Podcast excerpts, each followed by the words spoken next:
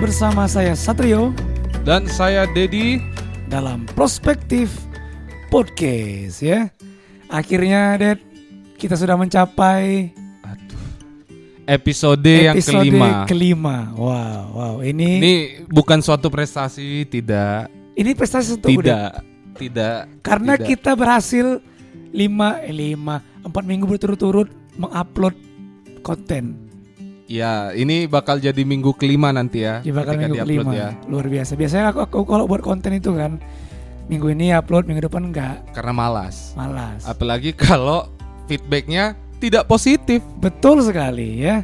Ini insya Allah yang yang udah dengar kita udah ribuan ya, ya? Ribuan, ribuan, ribuan dan 95 persennya itu kita sendiri yang mendengarkan. Benar. Jadi kita putar berulang-ulang. Putar ya. berulang-ulang, jadi eh, grafiknya tinggi terus. Mereka nggak tahu aja ternyata kita yang mendengarkan.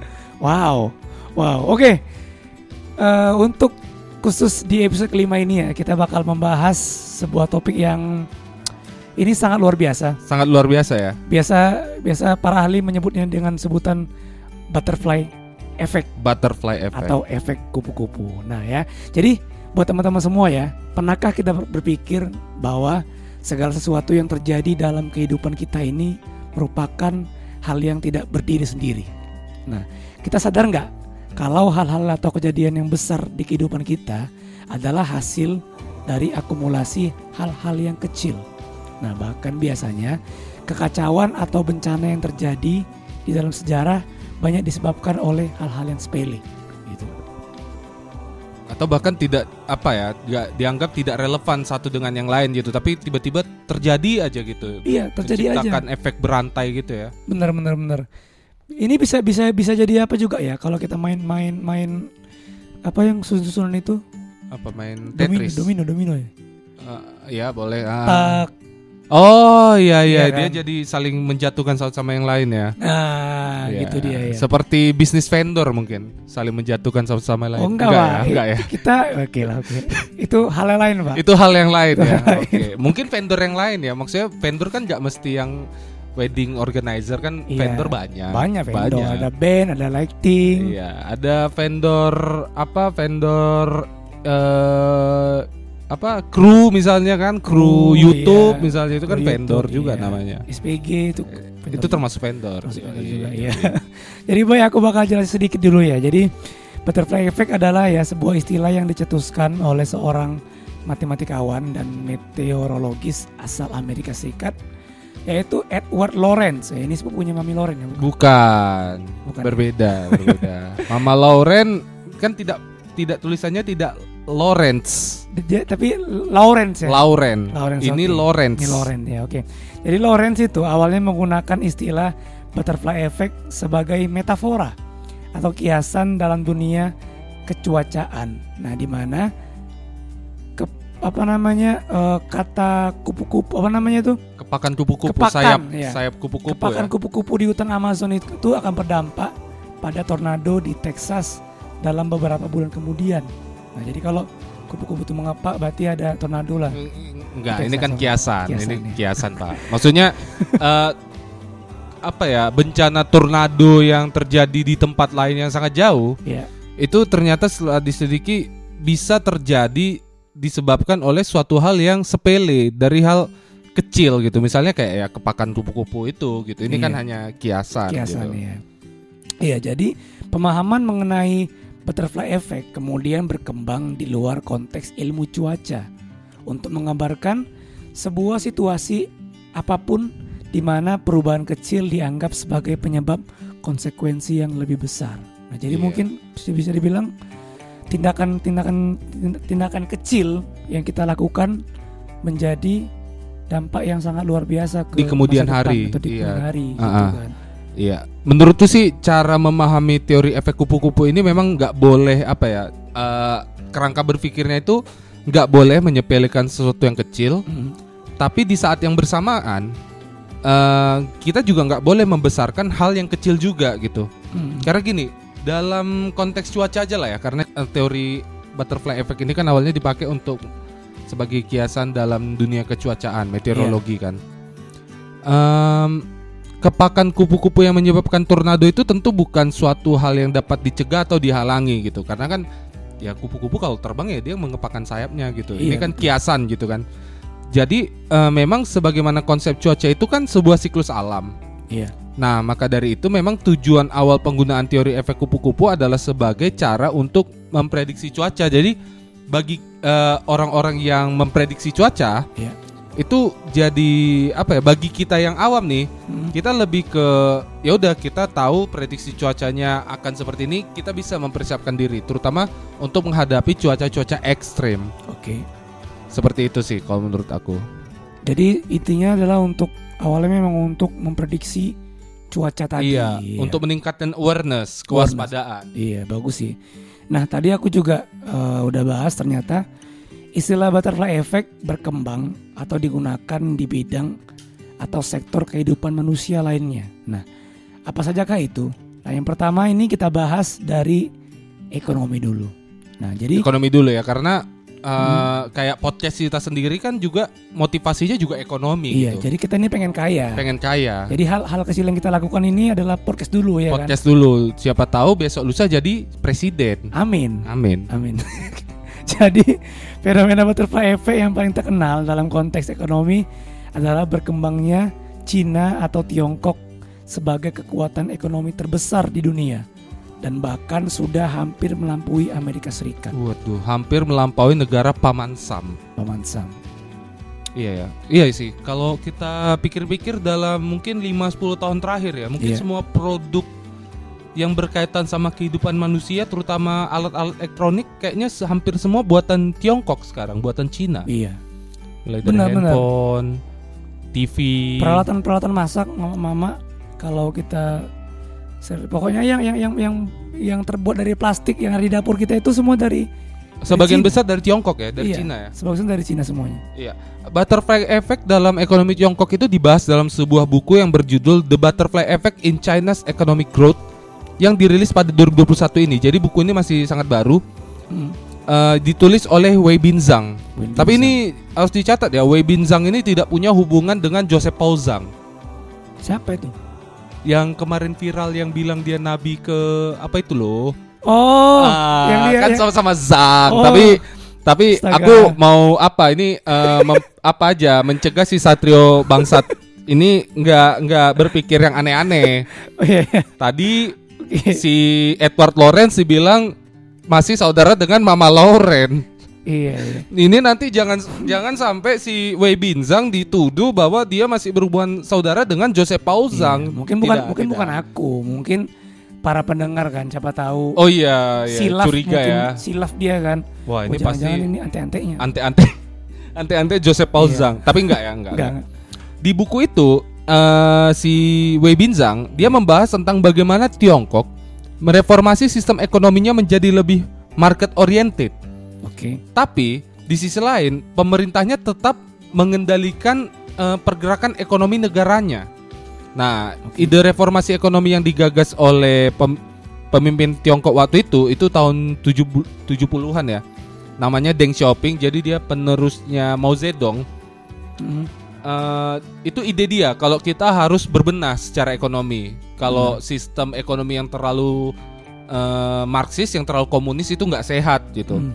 Nah, hasilnya Tiongkok mampu menjadi negara dengan ekonomi terbesar kedua di dunia setelah Amerika Serikat dengan pertumbuhan ekonomi rata-rata mencapai 9% Wow. antara 1978 sampai 2019 dua tahun lalu lah ya. Iya, iya. Karena 2020 2021 kan udah terpengaruh pandemi jadi kan mungkin angkanya nggak terlalu signifikan tapi secara kalau misalnya dalam konteks negara itu sedang kondisinya normal Hmm. PDB rata-ratanya pertumbuhan ekonomi rata-ratanya di angka 9% dan itu eh, cukup tinggi sebenarnya.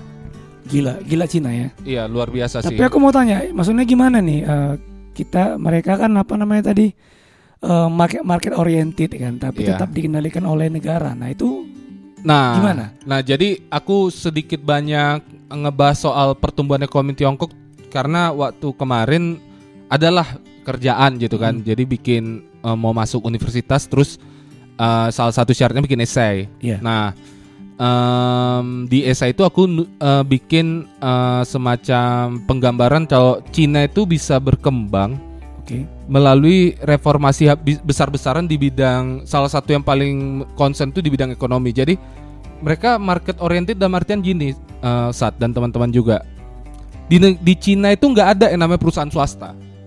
Semua perusahaan di Tiongkok itu eh, bisa aku bilang bentuknya BUMN Semuanya. semuanya. Kalaupun memang kayak Alibaba kan Ah, ya, punya itu. si Jack Ma atau em, apalagi perusahaan yang besar yang lain Tencent Tencent. ah, itu iya yang buat orang pribadi Hmm. eh, swasta lah kan. Tapi s- eh, saham mayoritasnya itu punya pemerintah.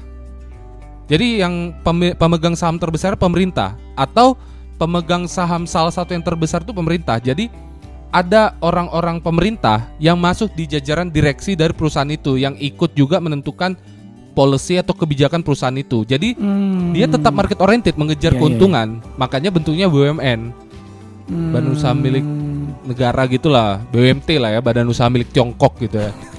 Jadi kok bisa masuk McD kok bisa masuk? Nah, jadi gini, da- sejak tahun 78 itu mereka pelan-pelan untuk membuka dirinya kepada pasar global. Oke. Tapi nggak langsung dibuka jadi liberal, jadi Ah. kapitalistik, tapi pelan-pelan. Jadi kalau misalnya kita tahu ada McD, ada KFC misalnya di Tiongkok, Iya. ya bisa dibilang sih eh, kan mereka pun- punya perusahaan cangkang yang di negara itu. Kayak Iya. kita kan juga ada.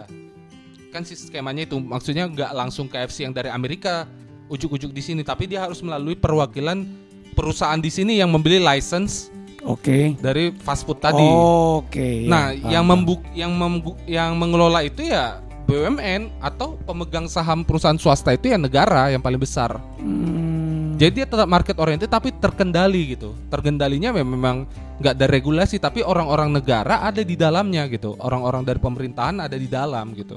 Oke, oke. Sedikit paham ya, Iya. teman-teman ya. Sekalian juga menambah ilmu bagi kita semua. Dan juga kita lanjutkan. Jadi gelembung ekonomi Tiongkok ini nggak bisa dilepas dari cara mereka dalam memberantas korupsi, melakukan spesialisasi industri, meningkatkan teknologi pertanian, sampai melakukan pendekatan budaya dalam meningkatkan produk industrinya, ya kan? Nah, di bagian terakhir tadi nih, Dan pendekatan budaya dalam meningkatkan produk industri itu sangat unik dan ada kaitannya kenapa Tiongkok dikenal dengan memproduksi barang-barang jiplakan dari produk negara lain. Iya ya. Kalau berapa tahun yang lalu gitu ya kita kalau tahu ada Tiongkok tuh bikin barang yang murah tapi bentuknya mirip gitu kan sama barang yang udah Percis. ada persis Iya. gitu. Kalau di HP namanya ada HDC. Apa itu HDC? Ya, apa namanya misalnya iPhone HDC, Ah, iPhone replika ya. Rep- iya replika replika. bentuk bentuknya aja iPhone, isinya Android. Android tapi secara shape secara bentuk iPhone iPhone. dan buatan Cina. Yang lucunya lagi misalnya Oppo nih. Ah, Oppo tapi misalnya Oppo Oppo yang yang handphone flash flagship malah mm. yang mahalnya yang, yang bahan unggulannya. Itu juga mereka kawin. Padahal Oppo sendiri udah buatan Cina kan. Nah, kan lucu kan? Nah di situ saat market orientednya. Jadi Iya. mereka sadar pangsa pasar mereka besar, tapi Iya. secara ekonomi kan kelas menengah. Iya iya. Tapi kan kita suka mengejar yang namanya flagship, Mm. eksklusif gitu. Ya udah mereka bikin segmen yang untuk masyarakat menengah, tapi bentuk dan fitur-fiturnya ya Iya. nggak kalah sama barang-barang atas. Iya iya benar benar benar benar benar. Jadi sebenarnya ada ternyata apa namanya eh, budaya mereka menjiplak ternyata dari zaman dulu ada ceritanya. Jadi istilah menjiplak itu dalam budaya Tiongkok sebenarnya bernilai positif. Nah, jadi di zaman dahulu kala nih ketika Tiongkok masih di zaman dinasti ada semacam doktrin yang bernama Senzai Senzai. atau benteng gunung. Nah, intinya orang-orang Tiongkok menjiplak suatu barang yang mereka anggap sempurna sebagai bentuk pujian terhadap pembuat produk tersebut. Jadi sebenarnya mereka memuji Apple Iya. itu bagus. Ah, makanya mereka buat produk yang seperti Apple, Apple. seperti iPhone, MacBook. Iya. Mungkin niat awalnya niat awalnya memang memuji. Iya, Tapi memuji. ternyata untung juga. Untung juga secara juga. ekonomi masuk gitu. Ekonomi masuk. Makanya mar- Jaga tetap tetap market market oriented gitu kan. Iya iya iya. Nah, Tapi keren. ah, Keren sih konsep konsep orang itu. Jadi aku pernah dengar dengar apa namanya? Dengar ini cerita lah. Kita share ke kawan-kawan. Jadi eh, aku pernah ngobrol sama tukang burger. Ya tukang burger ini orang orang Chinese lah. Jadi dia cerita dia orang Chinese atau orang Tionghoa? Orang Chinese, orang orang Cina Medan, Cina Medan. Iya, berarti kan orang Tionghoa sini Tionghoa sini kan. yang Tionghoa sini. Jadi, Iya, bukan orang Cina yang terus enggak, buka usaha di sini enggak, kan. enggak. Jadi dia cerita kan, dia pernah jadi TKI di Malaysia. Ntar dulu, dia Chinese Iya, tapi jadi TKI. iya. Ya kan nggak semua Chinese Nah, enggak. ini kadang kan kadang kan gini, bagus. ada perspektif di masyarakat kalau yang jadi TKI itu pasti ya Pribumi. dalam tanda kutip pribumi gitu Iya, kan, iya. orang lokal. Ternyata orang-orang Tionghoa juga banyak yang jadi TKI. Iya, Mungkin ya dia yang kebun sayurnya kali ya kalau bahasa sini ya. Cina Bahasa kebun sayur kan iya, biasanya iya. yang hidupnya menengah ke bawah gitu kan. iya, iya. Dan nggak nggak malu jadi TKI gitu ya. Nah, dia lah contohnya ini ya. Jadi waktu itu dia tahun berapa gitu 2007 atau 2008 dia ke Malaysia. Malaysia kerja. Tidak berhasil. Karena dia TKI gelap, Oh, ilegal. TKI ilegal. Dipulangkan lah. Tapi pas pas dipulangkan itu Hmm? bermasalah. Sempat dipenjara gara-gara dok- dokumentas apa namanya? Dokumen imigrasinya. Imigrasi nggak ada. Oh, ada ada sanksi hukumnya lah. Iya, jadi dia, dia, dia penjara selama seminggu kalau nggak salah. Jadi Di penjaranya di sini atau di Cina? di Malaysia, di Malaysia. Oh, di Malaysia. kontak-kontak sama temannya kan lolos pindah ke Batam. Oke. Nah di Batam pada saat itu pada tahun itu lagi maraknya BM handphone Oh, barang-barang black market ya. barang-barang market. Barang-barang selundupan ya. Iya. Kalau dulu kalau nggak salah tuh iPhone 6 baru keluar. Nah iPhone iPhone 6 belum belum di launching di Amerika, udah keluar di Batam. Buh. Hidup handphonenya. Hidup OS-nya iPhone, iPhone, iPhone, iOS. iOS Wow. dan itu buatan Cina. Tapi tapi nggak tahu kan iPhone kan punya kan Apple kan punya perusahaan Iya, perakit handphone iya. di Cina, di mainland China kan mereka punya. Di saat itu udah ada itu. Udah. Jadi gini, jadi apa namanya? Kalau kalau dulu kata dia barang-barang masuk ke Batam itu nggak bisa utuh.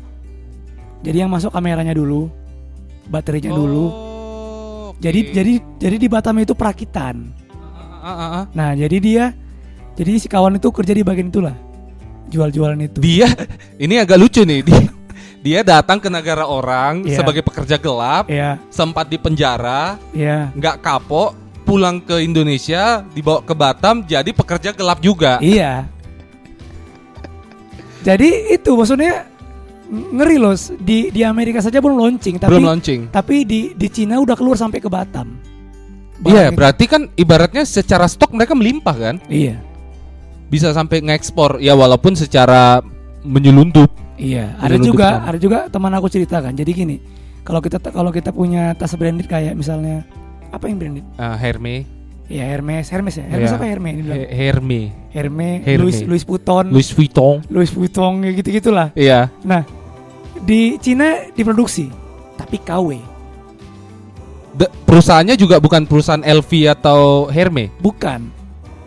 Nah, tapi perusahaan lokal gitu. iya. Jadi misalnya misalnya kita turis nih, Hmm. kita datang datang datang ke toko ke toko yang jual yang jual tok yang jual Louis Vuitton itu. Eh, di katakanlah ke Shanghai gitu ya Iya, di Shanghai. Kita beli, Ah, dikasih mereka kalau kita beli. Tapi ketika, ketika kita mau balik ke Indonesia, iya. itu barang ditahan. Hah? Petugas im- imigrasi sana tahu kalau kalau itu KW, Petugas imigrasi di Cina. tahu kalau itu KW, nggak boleh. Tapi kau kau boleh bawa tas itu kalau kau pesannya banyak. Nah, gitu dia. Makanya makanya barang Cina bisa beredar banyak kayak gitu. Kalau kita beli satuan nggak bisa. Oh. Tapi kalau kita beli borongan, Borongan ya. silakan bawa. Misalnya Iya. kau mau kau mau berapa kontainer? Sekian kontainer Oh, oh, hitungannya kontainer ya, nggak bisa Iya. beli 10 ya. nggak bisa. Gitu. Jadi mereka secara nggak langsung nge-push industri lokalnya walaupun menjiplak produk yang udah ada. Iya, gitu. Makanya makanya Makanya ada pendekatan budaya tadi ya, senzai Iya. tadi ya. iya.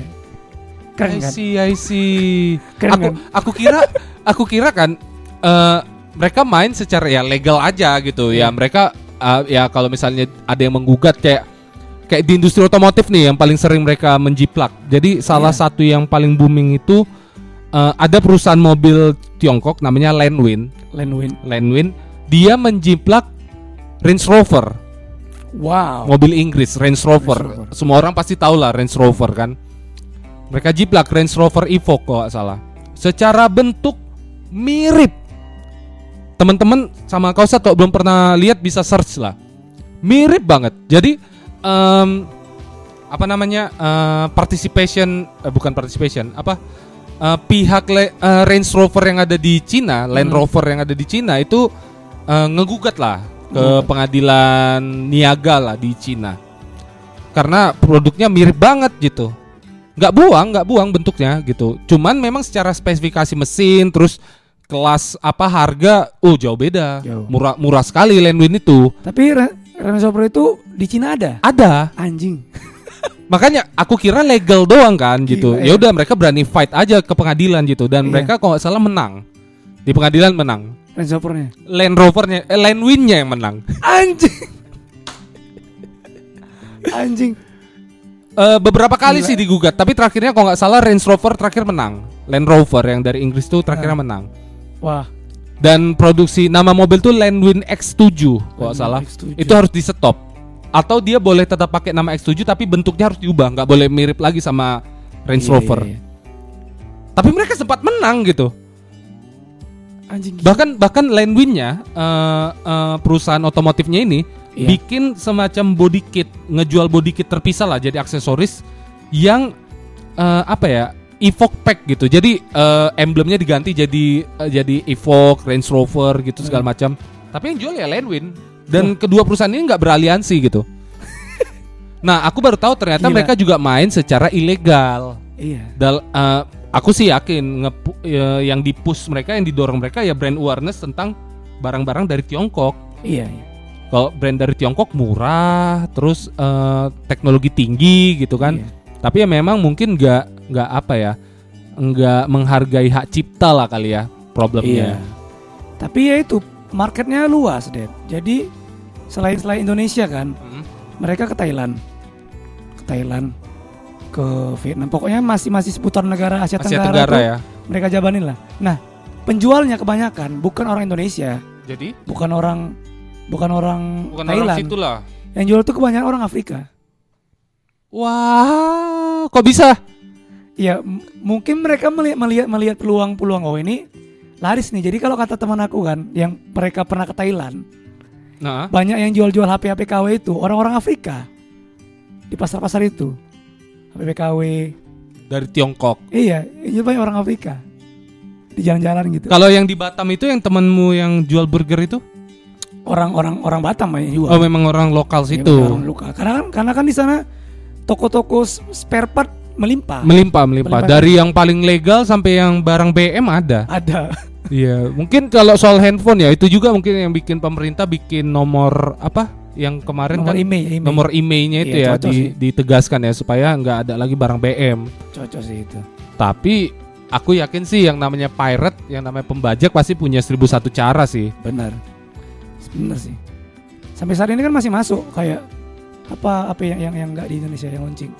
Sony Oh, Sony itu masih memproduksi smartphone.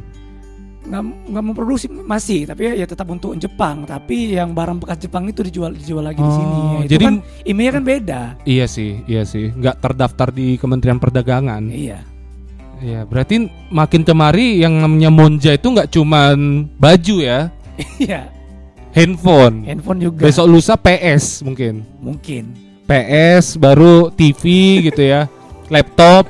Ah, laptop Udah sekarang lagi udah udah ada banyak yang nggak banyak yang harga banting kan sampai laptop gaming cuman 2 juta 3 juta. Ternyata dia nggak punya nomor email atau gimana gitu.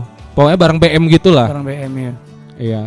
Nah balik lagi ya ke topik. Eh, doktrin soal senzai tadi Hmm. itulah yang digunakan pemerintah Tiongkok untuk melakukan copycat atau menciplak produk industri luar negeri. Kayak yang aku bilang tadi mulai dari mobil motor handphone TV dan masih banyak lagi. Tapi sering waktu Hmm. Perusahaan-perusahaan Tiongkok yang memproduksi barang-barang yang dalam tanda kutip menjiplak itu, Hmm. itu ternyata berkembang bisnisnya.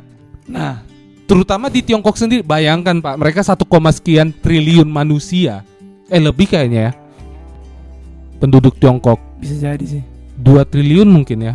Bisa jadi. Iya, bayangin aja bisnisnya katakanlah market share mereka pangsa pasarnya katakan 500 juta orang gitu Cuma di sana. Hanya di dalam di hanya di aja, dalam kan? gitu. Betapa tingginya kan perputaran uang di dalam. Ter- terakhirnya tambah lagi apa ya ada semacam nation proud kan? Iya. mereka kan tinggi kan? Eh, apanya kebanggaan nasionalnya. Nah perusahaan-perusahaan itu berkembang dan mulai mengekspansi bisnisnya hingga ke luar negeri. Jadi beberapa perusahaan Tiongkok ini mulai berani untuk membeli saham-saham perusahaan yang udah well known lah yang udah terkenal lah di masyarakat global. Amazing.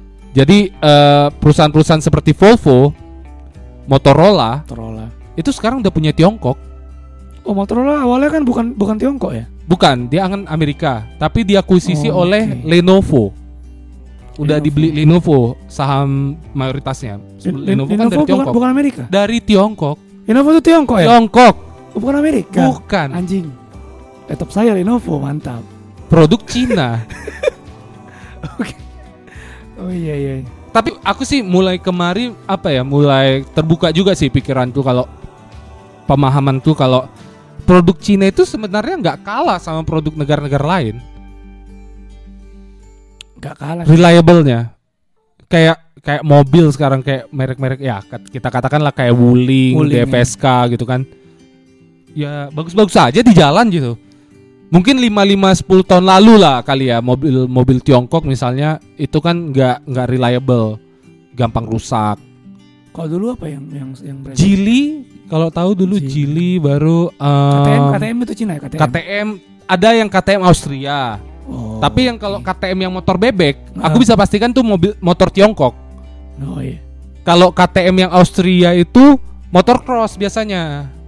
Motor-motor untuk eh, jalan-jalan tanah, dirt bike. Tapi masih satu satu perusahaan tuh masih.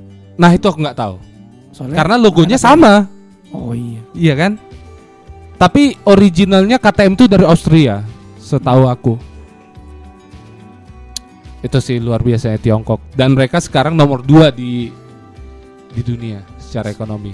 Utara. luar biasa ya. Dalam dari 1978 tuh ke 2021 sekitar berapa puluh tahun tuh? 43 tahun? Iya, 43 tahun. tahun. Inilah yang mereka yang mereka rasakan sekarang ya kan. Iya, mereka nikmati. Jadi kayak balik lagi ya ke esai yang aku tulis itu. Jadi gini saat kenapa juga rasa cinta orang itu sama negara orang itu terutama ke ideologinya, katakanlah Pancasilanya Tiongkok dalam tanda kutip kan. Itu tinggi karena pemerintahnya itu nge-push bahwa kondisi yang kita nikmati hari ini itu adalah eh, eh, hasil dari kita yang bertahan dengan ideologi kita. Jadi masyarakatnya cinta sama ideologinya tanpa harus negara ngu- ngeluarin banyak duit, ngeluarin eh, nge- ngedirin banyak lembaga hanya untuk supaya masyarakat cinta sama ideologinya. Hmm. Iya iya setuju sih. Setuju. setuju. Karena dikasih pemikiran bahwa yang kita nikmati hari ini ya hasil dari ideologi kita gitu. Jadi soft gitu pendekatannya. Betul, itu sih betul. itu sih asiknya Tiongkok. Dan dan kayak misalnya soal kebebasan berpendapat, ya aku yakin sih di setiap negara pasti cara eh, kebebasan berpendapatnya berbeda-beda. Termasuk di Tiongkok, ya kau bebas mau mengutarakan apa aja. Tapi jangan menyerang pemerintah. Mengkritik boleh di sana. Mengkritik Boleh, tuh boleh. boleh, Iya, mengkritik tuh boleh. Tapi kalau bilang misalnya Xi Jinping tuh Winnie the Pooh, wah hati-hati.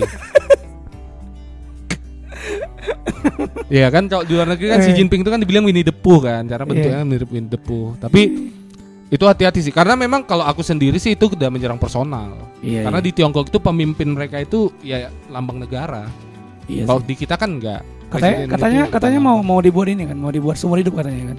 Katanya sih iya karena Wah. Xi Jinping itu sangat sukses kan. Iya. Pokoknya setelah Mao Zedong, Deng Xiaoping yang paling sukses memimpin Tiongkok ya Xi Jinping sekarang. Iya iya.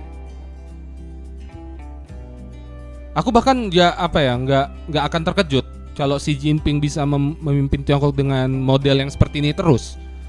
Jenazahnya bakal dibalsem juga macam Mao Zedong. Oh iya? Diawetkan. Mereka, karena karena mereka udah sekuat ini loh gitu. Iya sih. Mereka udah punya hak veto di PBB. Mereka udah Dewan Keamanan Tetap PBB.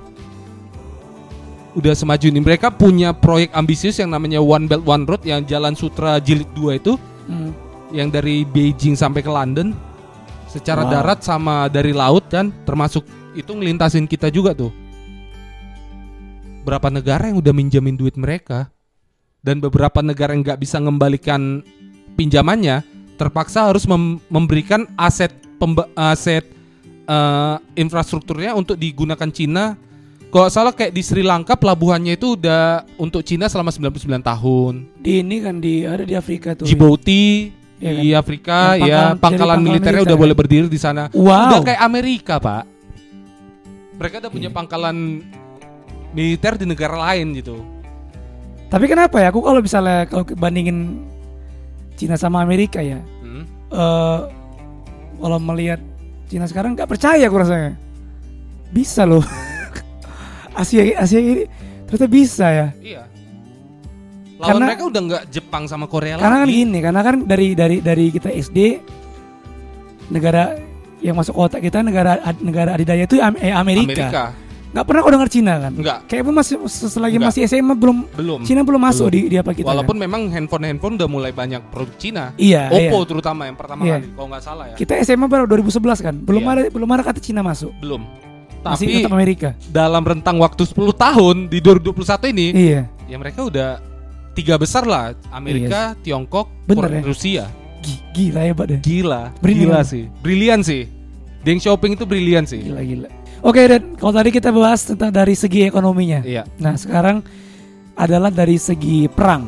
Nah, jadi kalau teman-teman ingat ya di episode kedua, yang soal belajar dari singgung. perbedaan ya. iya, aku sempat singgung kalau dari perang Vietnam yang terjadi sejak November 1955 sampai April 1975 merupakan salah satu perang paling berdarah di abad 20 selain Perang Dunia Kedua. Nah, tercatat perang ini menewaskan sekitar 3 juta warga dan pejuang sipil dari Vietnam Utara dan Selatan. Serta sekitar 58.200 prajurit Amerika Serikat dan Kanada. Bahkan biaya perang ini mencapai 168 miliar dolar. Kalau pakai nilai saat ini mencapai 1 triliun dolar Amerika Serikat. Wuh, Perang selama 20 tahun ngebakar duit 1 triliun dolar. amazing. Itu kenapa nggak dikasih ke kita gitu loh? Kita belum lahir, Pak. I- iya, tapi kan nantilah kita kasih surat ke Presiden Biden. Kasih dulu duit daripada kalian perang. Ini kan Afghanistan Oh, iya. udah stop. Oh iya iya juga sih. Nah, anggarannya kan udah yang 2021 kan udah jalan. Iya. Kalau masih ada sisanya tolong kirimkan ke rekening kita. Tapi biasa kan mereka cari musuh lagi. Iya. Nah, mungkin mereka kan bakal biasanya kan orang tuh ngebayarin musuh dari musuhnya. Iya. Nah, mungkin siapa tahu kita kita dipakai uangnya terus kita olah duitnya untuk jadi capres dan cawapres. Oh, jadi jadi ya, jadi kita jadi boneka boneka orang itu lagi. iya, ya? jadi Oke. boneka. nggak apa-apa, yang penting duit. Canda guys ya. Tapi kalau serius juga nggak apa-apa sih. iya, duit cuy kan. Oke, dan seperti yang aku katakan kemarin ya kan, salah satu penyebab terbesar yang meletuskan perang ini adalah diabaikannya surat dari Ho Chi Minh. Kakek Ho Chi Minh Iya, jadi Ho Chi Minh ini kirim surat kepada Presiden Amerika Serikat. nggak ngirim loh saat.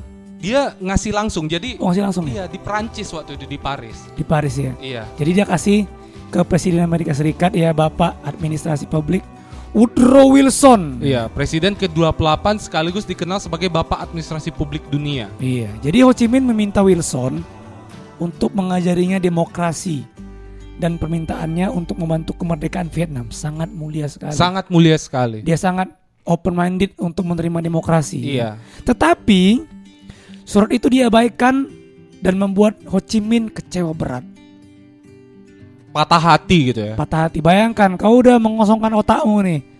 Iya. Cuy ajarin aku lah. Untuk keterbukaan Untuk dan demokrasi iya. gitu ya. Mungkin pada saat itu dia melihat memang memang Vietnam itu sangat-sangat di bawah standar lah bisa Iya, dibilang. sangat tertinggal. Sangat Dia tertinggal. kan pada waktu itu Vietnam itu kan dijajah sama Prancis kan. Ah, Vietnam, iya, iya. Kamboja. Mungkin dia melihat melihat, Prancis. melihat sesuatu yang kekuatan demokrasi ini sangat luar biasa Iya. ya. Bisa bisa membuat Amerika Serikat menjadi negara adidaya kan. adidaya dan adik kuasa. Dan adik Mereka pengen Ho, kakek Ho Chi Minh tuh pengen belajar lah ke Iya. Amerika.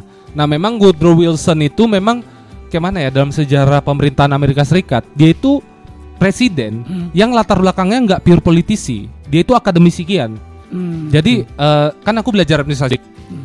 Nah, eh, banyak eh, buah-buah pikiran atau konsep-konsep yang dibikin Woodrow Wilson itu dimodi- eh, jadi standar eh, teori-teori hari ini. Jadi ada perkembangan-perkembangan, modifikasi-modifikasi, tapi relevansinya dari teorinya Woodrow Wilson Oke, oke, oke, oke. Iya, dalam bentuk paradigma administrasi publik sangat teknis lah itu. Tapi eh, kalau bicara dari kacamata administrasi publik, kakek Ho Chi Minh pengen belajar dari Woodrow Wilson, nggak salah pak, Nggak salah. nggak ya? salah. Dia menemukan role model yang sangat Iya, tepat. role modelnya udah pas, cuman si Woodrow Wilsonnya mengabaikan surat itu. Aduh.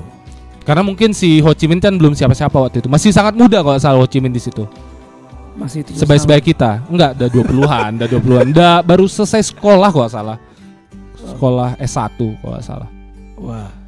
Terus dia ngasih surat untuk tolong dong ajarin kita sama dukung kemerdekaan kita tapi di, diabaikan. Diabaikan. Diabaikan. Sangat ya, Disayangkan ya. sangat disayangkan. Sepele kan padahal. Sepele, sepele, sepele. Ah, ah. surat yang ditolak yang membuat Ho Chi Minh kecewa dengan apa ya? Surat yang diabaikan sama Woodrow Wilson itu Iya. yang membuat Ho Chi Minh kecewa itu nggak hanya kecewa ke Amerika, tapi juga dengan sistem demokrasi ala Barat. Hmm. Ia kemudian menjadi simpatik pada gerakan sosialis dan komunis dan kemudian mendirikan gerakan perjuangan rakyat Vietnam agar bisa merdeka dari Prancis. Wow. Dan akhirnya perjuangan itu membuat perang Vietnam yang meletus selama 20 tahun.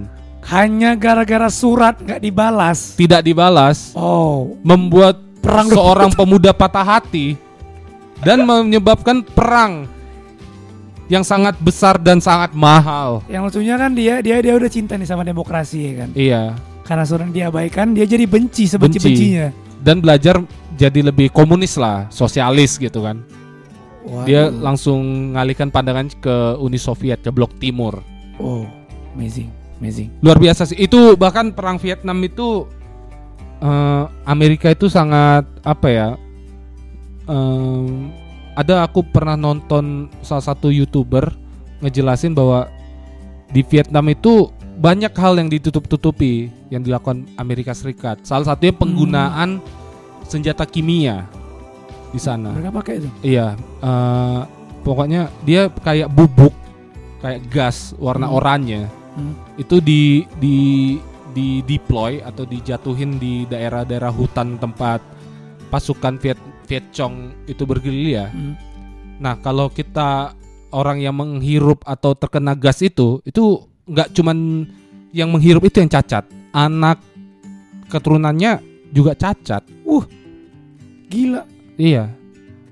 Nggak cuman itu, misalnya kayak ranjau kan di Vietnam sama Kamboja ya terutama itu kan masih banyak ranjau Iya, dia yang tanam iya mereka yang ya. disebar gitu dan itu masih eh, nggak jarang ada berita kalau petani atau masyarakat sipil yang lagi ke hutan itu yang nginjak ranjau dan jadi cacat kakinya harus diamputasi dan sebagainya.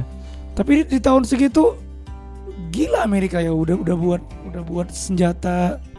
Loh kalau senjata kayak biologis gitu kan udah dari lama pak. Iya maksudnya Enggak, aku kan karena sering nonton film kan. Jadi Film Ternyata- Rambo, Rambo nggak? Enggak. Enggak ternyata benar-benar kalau memang negara-negara itu membuat senjata kayak Senjata gitu. kimia. Padahal di konferensi Jenewa kok salah penggunaan senjata kimia itu sangat dilarang sih, setahu aku. Jangan-jangan mereka memang memang ada juga membuat membuat ini super soldier. Kayak Captain America. Kalau super super super soldier eh yang pernah apa ya yang pernah tercatat itu tentara Nazi. Tapi mereka Nazi. bukan super soldier dalam artian mereka disuntik atau dipakaikan senjata baju besi kayak Iron Man atau kayak mana ya. Hmm. Tapi mereka menggunakan eh, metamfetamin atau sabu-sabu supaya oke. mereka eh, nekat Oke. Jadi eh, ten- apa tentara Jerman, tentara Nazi ya, sorry bukan tentara Jerman. Tentara Nazi itu sebenarnya nggak se nggak se badass itu, nggak seberingas itu, nggak sebiadab itu.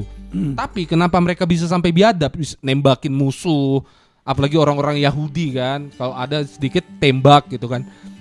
Eh, secara psikologis kelihatannya nggak terguncang, Itu karena mereka Oh. ketika berperang ya dikasih sabu, Sabu dikasih ya. metamfetamin, Oke. Terus masuk agen propagandanya. Hasil apa video kah atau kisah-kisah propaganda supaya mereka lebih berani gitu. Oh iya iya. Jadi udah kena narkoba, ada apanya? Ada yang ngasih Cuci otak lagi ya. ah, ah, cuci otak, Iya. makanya jadi biadab.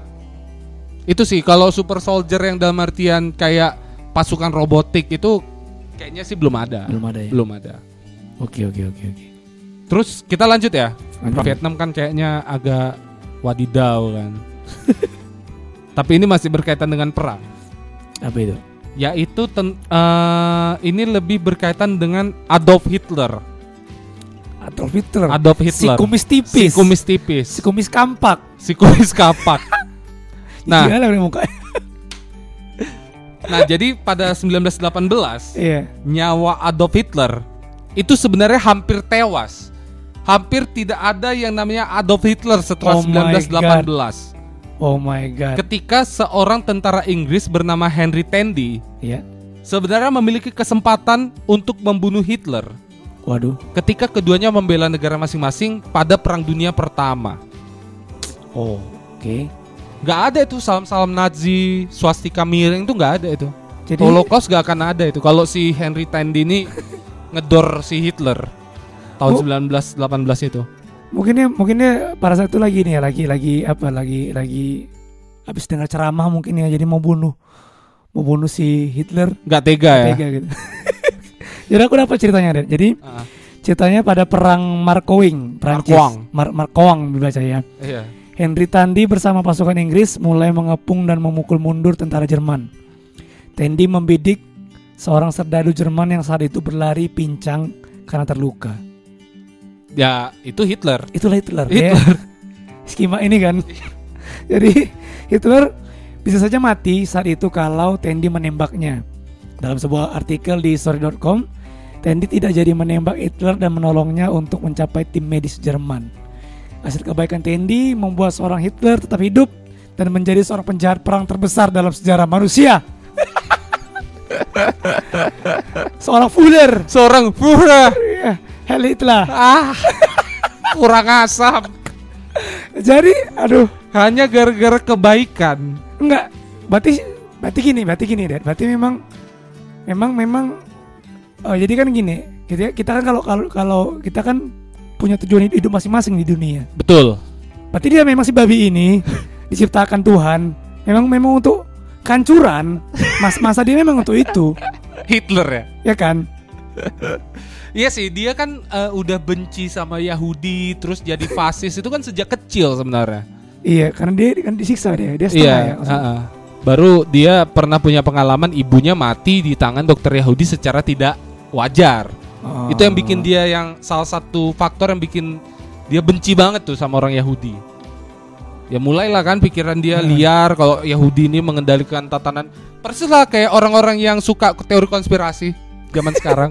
dia lah itu ya. Iya, model-model kayak dia. Jering jering sih berarti jering. Eh, Enggak, Enggak juga. Enggak juga.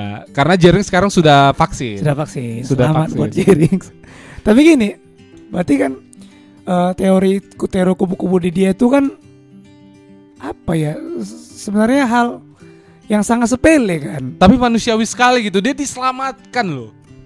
Iya, mungkin mungkin gini si, si Tendi ini kan tembak.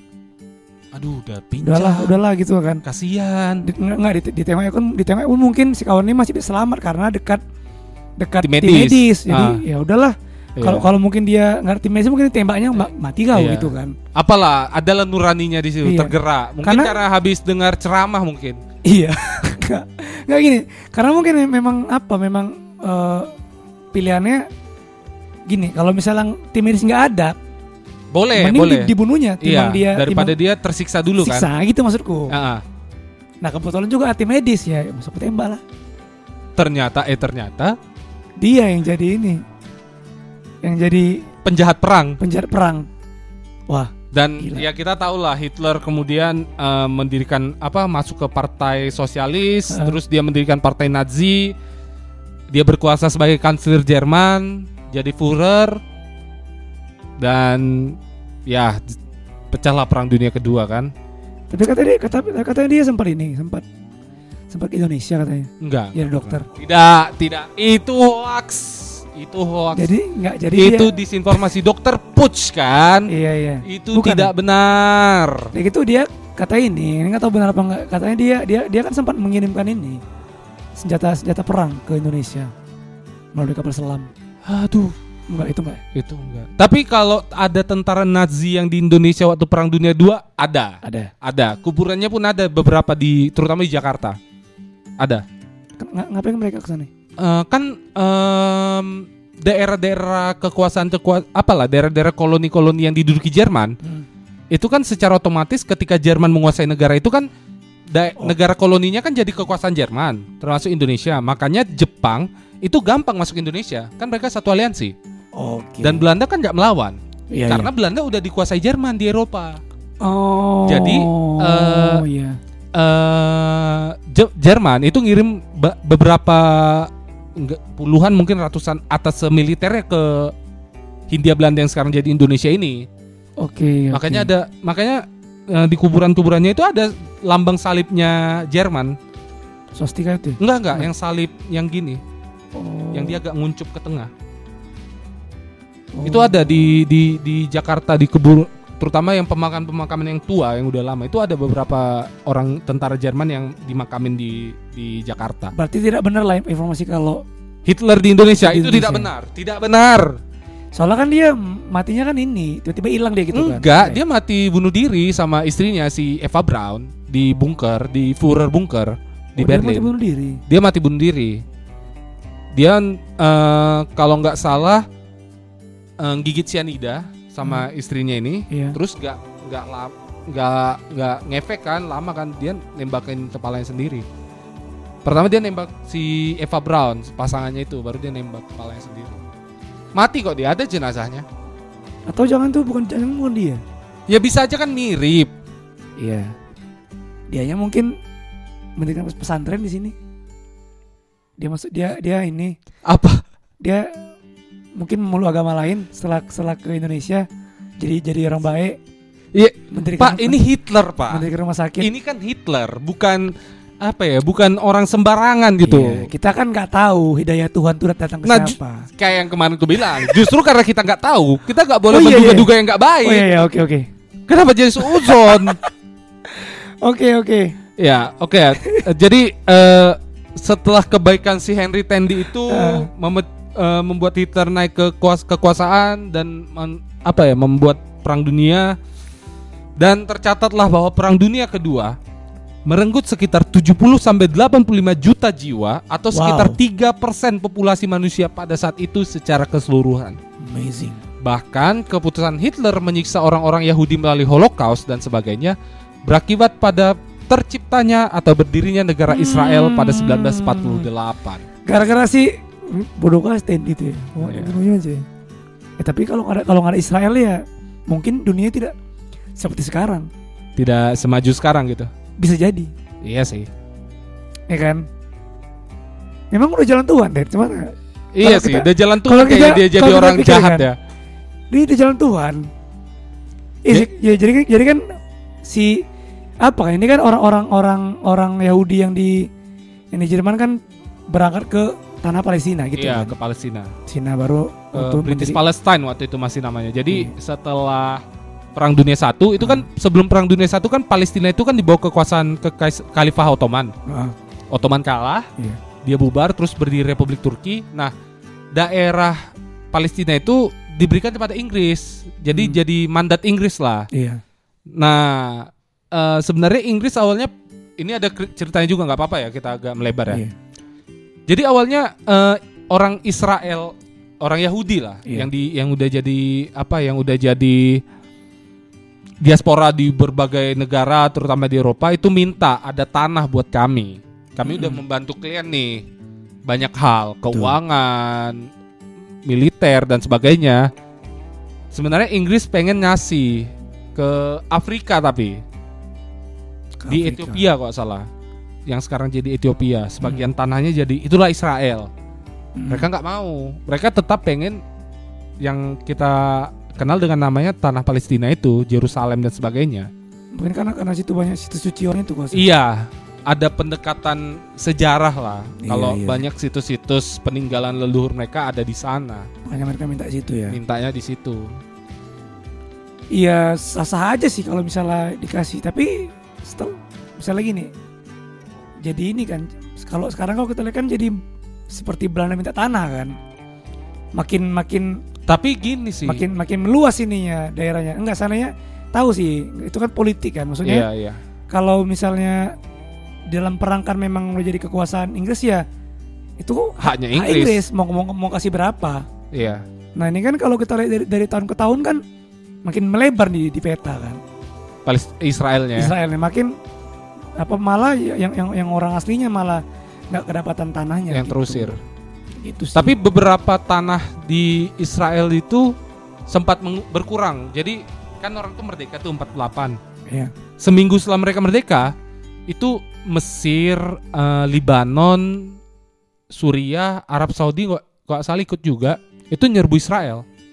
Itu namanya perang tujuh hari.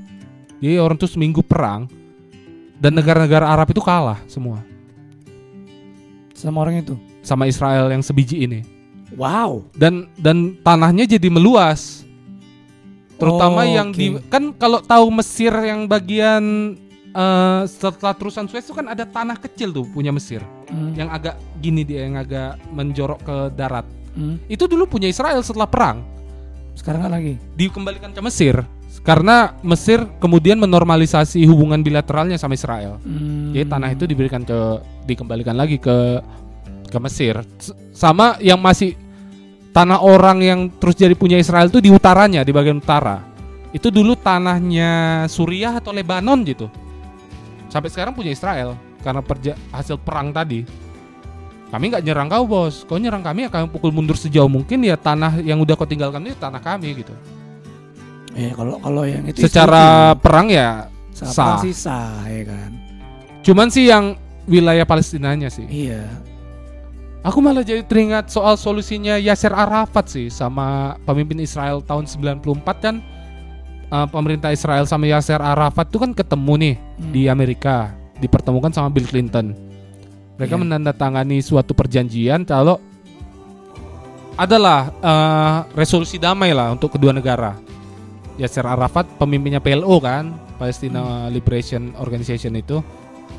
Dan disepakati Hmm. tapi belakangan ya si presiden Israelnya mati terbunuh, Yasser Arafatnya juga mati terbunuh. Berarti memang secara nggak langsung kan ada kemungkinan ya konflik ini memang dipelihara. Oke. Ya pokoknya kayak gitulah hasil dari si Tendi tidak membunuh Hitler mencap sampai konflik konflik jadi nggak siap-siap kan Nggak siap-siap. gara-gara Hitler hidup ya. Jadi eh, apa nih Dad kesimpulan dari kau mengenai eh, efek kupu-kupu atau butterfly effect? Kalau menurutku butterfly effect ini adalah apa ya? Dia bisa disadari ketika memang udah kejadian sih. Iya juga. Kalau menurutku itu butterfly effect itu dan apa ya sedikit banyak ya bikin kita ketawa gitu karena memang nggak nggak kita sangka-sangka tiba-tiba tetap kejadian hanya gara-gara hal kecil Oke. itu sih itu sih Itu dari kau ya. iya Kalau dari aku kalau dari bapak ini sih udah jalan Tuhan dah. iya gimana Ini Tuhan dengan Tuhan. bikin satu hal kecil tek, terus berdampak berakumulasi jadi besar gitu ya Iya, karena gini kan, misalnya, misalnya kau, kau pengen menjadi, misalnya kau pengen jadi presiden, ya. nggak mungkin pak misal, misal, misal, Hah? misal kau mau Oh, jadi iya. presiden. Nah, kita kan tahu, jadi presiden ada tahap-tahapnya kan. yoi Kau masuk partai politik, berkarir ini, ini, atau jadi anggota DPR dulu, jadi atau jadi wali kota dulu, bla bla bla bla, baru jadi, nggak presiden. masuk agama itu dulu eh, enggak, Enggak. enggak. Ih, sahabat, bisa nah, ini kan tahap, tahapan, ini kan tahapan resminya. Iya, salah satunya kan ya Iya. itu kan resmi. Iya resmi, resmi. Masuk ke agama itu gitu. Masuk ke agama tertentu lah. Iya, iya. Mayoritas. Ah, Iya. mayoritas. Rupanya meng- saya ke menggandeng mayoritas. ke ke Papua saya. Iya. Kan saya Itu sudah kan. Kristen, nggak boleh nggak perlu masuk agama itu lagi. Iya iya. Balik ke topik ya. Pokoknya gitulah ya kan. ah. Ada tahap-tahap ke- dari kecil Iya. gitu ya. stepnya jelas. Nah, Ini tiba-tiba seorang pengusaha kayu menjadi Hey, presiden. Hey, hey, kan tahapnya jelas. Iya tahu, iya. Berarti kan ini garis-garis garis garis garis ta- garis tangan Tuhan. Ya kan? Dia dia dia mungkin dia Pak Jokowi ya Iya, dari Pak Jokowi kan. Ya mungkin dia nggak pikir mau bisa jadi jadi presiden. Mungkin dia saat itu cuma fokus ya, jualan kayu, ya, jual, mebel. Jual mebel. Nah, entah mungkin tiba-tiba suatu kejadian di hidup dia, entah mungkin dia dia dia nengok rakyat rakyat rakyat kecil menderita, tiba-tiba iba atau mungkin dia misal misalnya nih ada orang minta-minta di jalan. Nah, Katakanlah di mungkin- Solo ya, di kota di dia Solo. sendiri itu. Mungkin pada saat itu dia nggak mau keluar rumah. Nah, tapi dia mungkin pada saat itu keluar rumah yang orang yang susah, Terus hatinya ter, hatinya ter, tergugah. eh, Kayaknya kalau aku jadi pemimpin, jadi wali kota di sini, iya rakyat aku nggak susah. iya lebih banyak yang terbantu. Bisa jadi kayak gitu kan? Bisa jadi sih. Iya sih. Ya kan? Itu kan jalan Tuhan. Iya. Atau eh, dia lagi bagus nih jaga toko gitu kan, tiba-tiba ada eh, warga gitu, orang, Pak, saya mau beli mebel, tapi uang Iya. saya nggak ada. Oh ya udah, kasihan dikasih mebel yang paling bagus. Heeh. Kayaknya jadi wali kota bagus. Langsung point. ya kan bisa jadi kan. Iya, atau Tapi aku yakin sih mungkin ya karena hal-hal kecil sih. ya kan. Terus ada keputusan-keputusan besar yang dia ambil. Dan juga tentu hari ini juga ada apa namanya? Kalau kayak si Hitler itu dia punya kayak kau bilang punya punya tra- traumatis sama orang Yahudi. Iya. Terus paham-paham yang dibacanya. Nah, itu juga bisa jadi mendorong Hmm. apa namanya? Semesta mendukung nah gitu. Wis, Ya kan? Sinkron dia. sinkron ya. Se- Semesta sama keinginan dia sinkron. Makanya tujuan dia tercapai ya. Tercapai. Sayangnya dia kalah. Iya. Bagusnya sih sebenarnya bukan sayangnya. Bagusnya sih dia kalah. Bagusnya. Gak Iya. kebayang sih aku kok Hitler menang. Serius deh. Gak kebayang.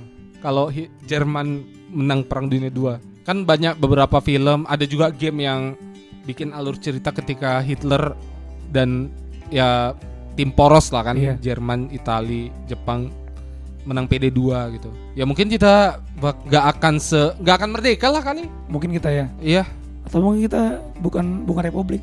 enggak. Ya mungkin koloninya Jerman. Iya, iya jadi. Iya. Atau sih. atau kita menjadi ini apa? Koloninya Inggris. Jadi Ya Inggris kan udah kalah juga dong Oh, kalau Jerman menang. oh iya ya. Oh iya ya. Heeh. Oh iya iya. Betul juga. Oke, itulah pembahasan kita diskusi kita mengenai Butterfly, butterfly effect. effect episode kelima kita yang mudah-mudahan segera kita tayangkan. Amin. Pastilah kita tayangkan. Iya, Karena kalau misalnya teman-teman dengar kan berarti udah tayang benar sekali ya. Jangan lupa buat teman-teman ya didengarkan di Spotify kita. atau di banyak layanan apa di podcast-podcast aplikasi Iya. podcast yang lain. Karena kita nggak cuma di Spotify loh. Apa aja sih? Aku nggak tahu. Aku yang aku ada tahu cuma banyak, ada banyak, ada banyak, ada enam. Oh, kau juga nggak tahu kan? Nggak tahu. Ada Google Podcast, ada pokoknya juga. banyak deh. Heeh. Oh iya iya. Kami berterima kasih kepada Anchor karena Anchor membuat podcast kami diupload di banyak tempat. Yes ya. Dan juga buat teman-teman semua yang mungkin pengen endorse kita ya. Siapa tahu mau endorse kopi kayak atau apa karena kita selama podcast Atau- belum ada minuman di sini. Iya, atau mau apa me- mau jadi caleg mungkin ke 2024 Bisa kita bahas ya. bisa kita bahas. kita review Iya, caleg kita caleg yang review. baik untuk Iya. 2024 seperti apa gitu. Betul, betul. Oke baiklah saya Satrio Pambudi. Dan saya Dedi Sampai bertemu lagi di episode berikutnya di Prospektif. Podcast.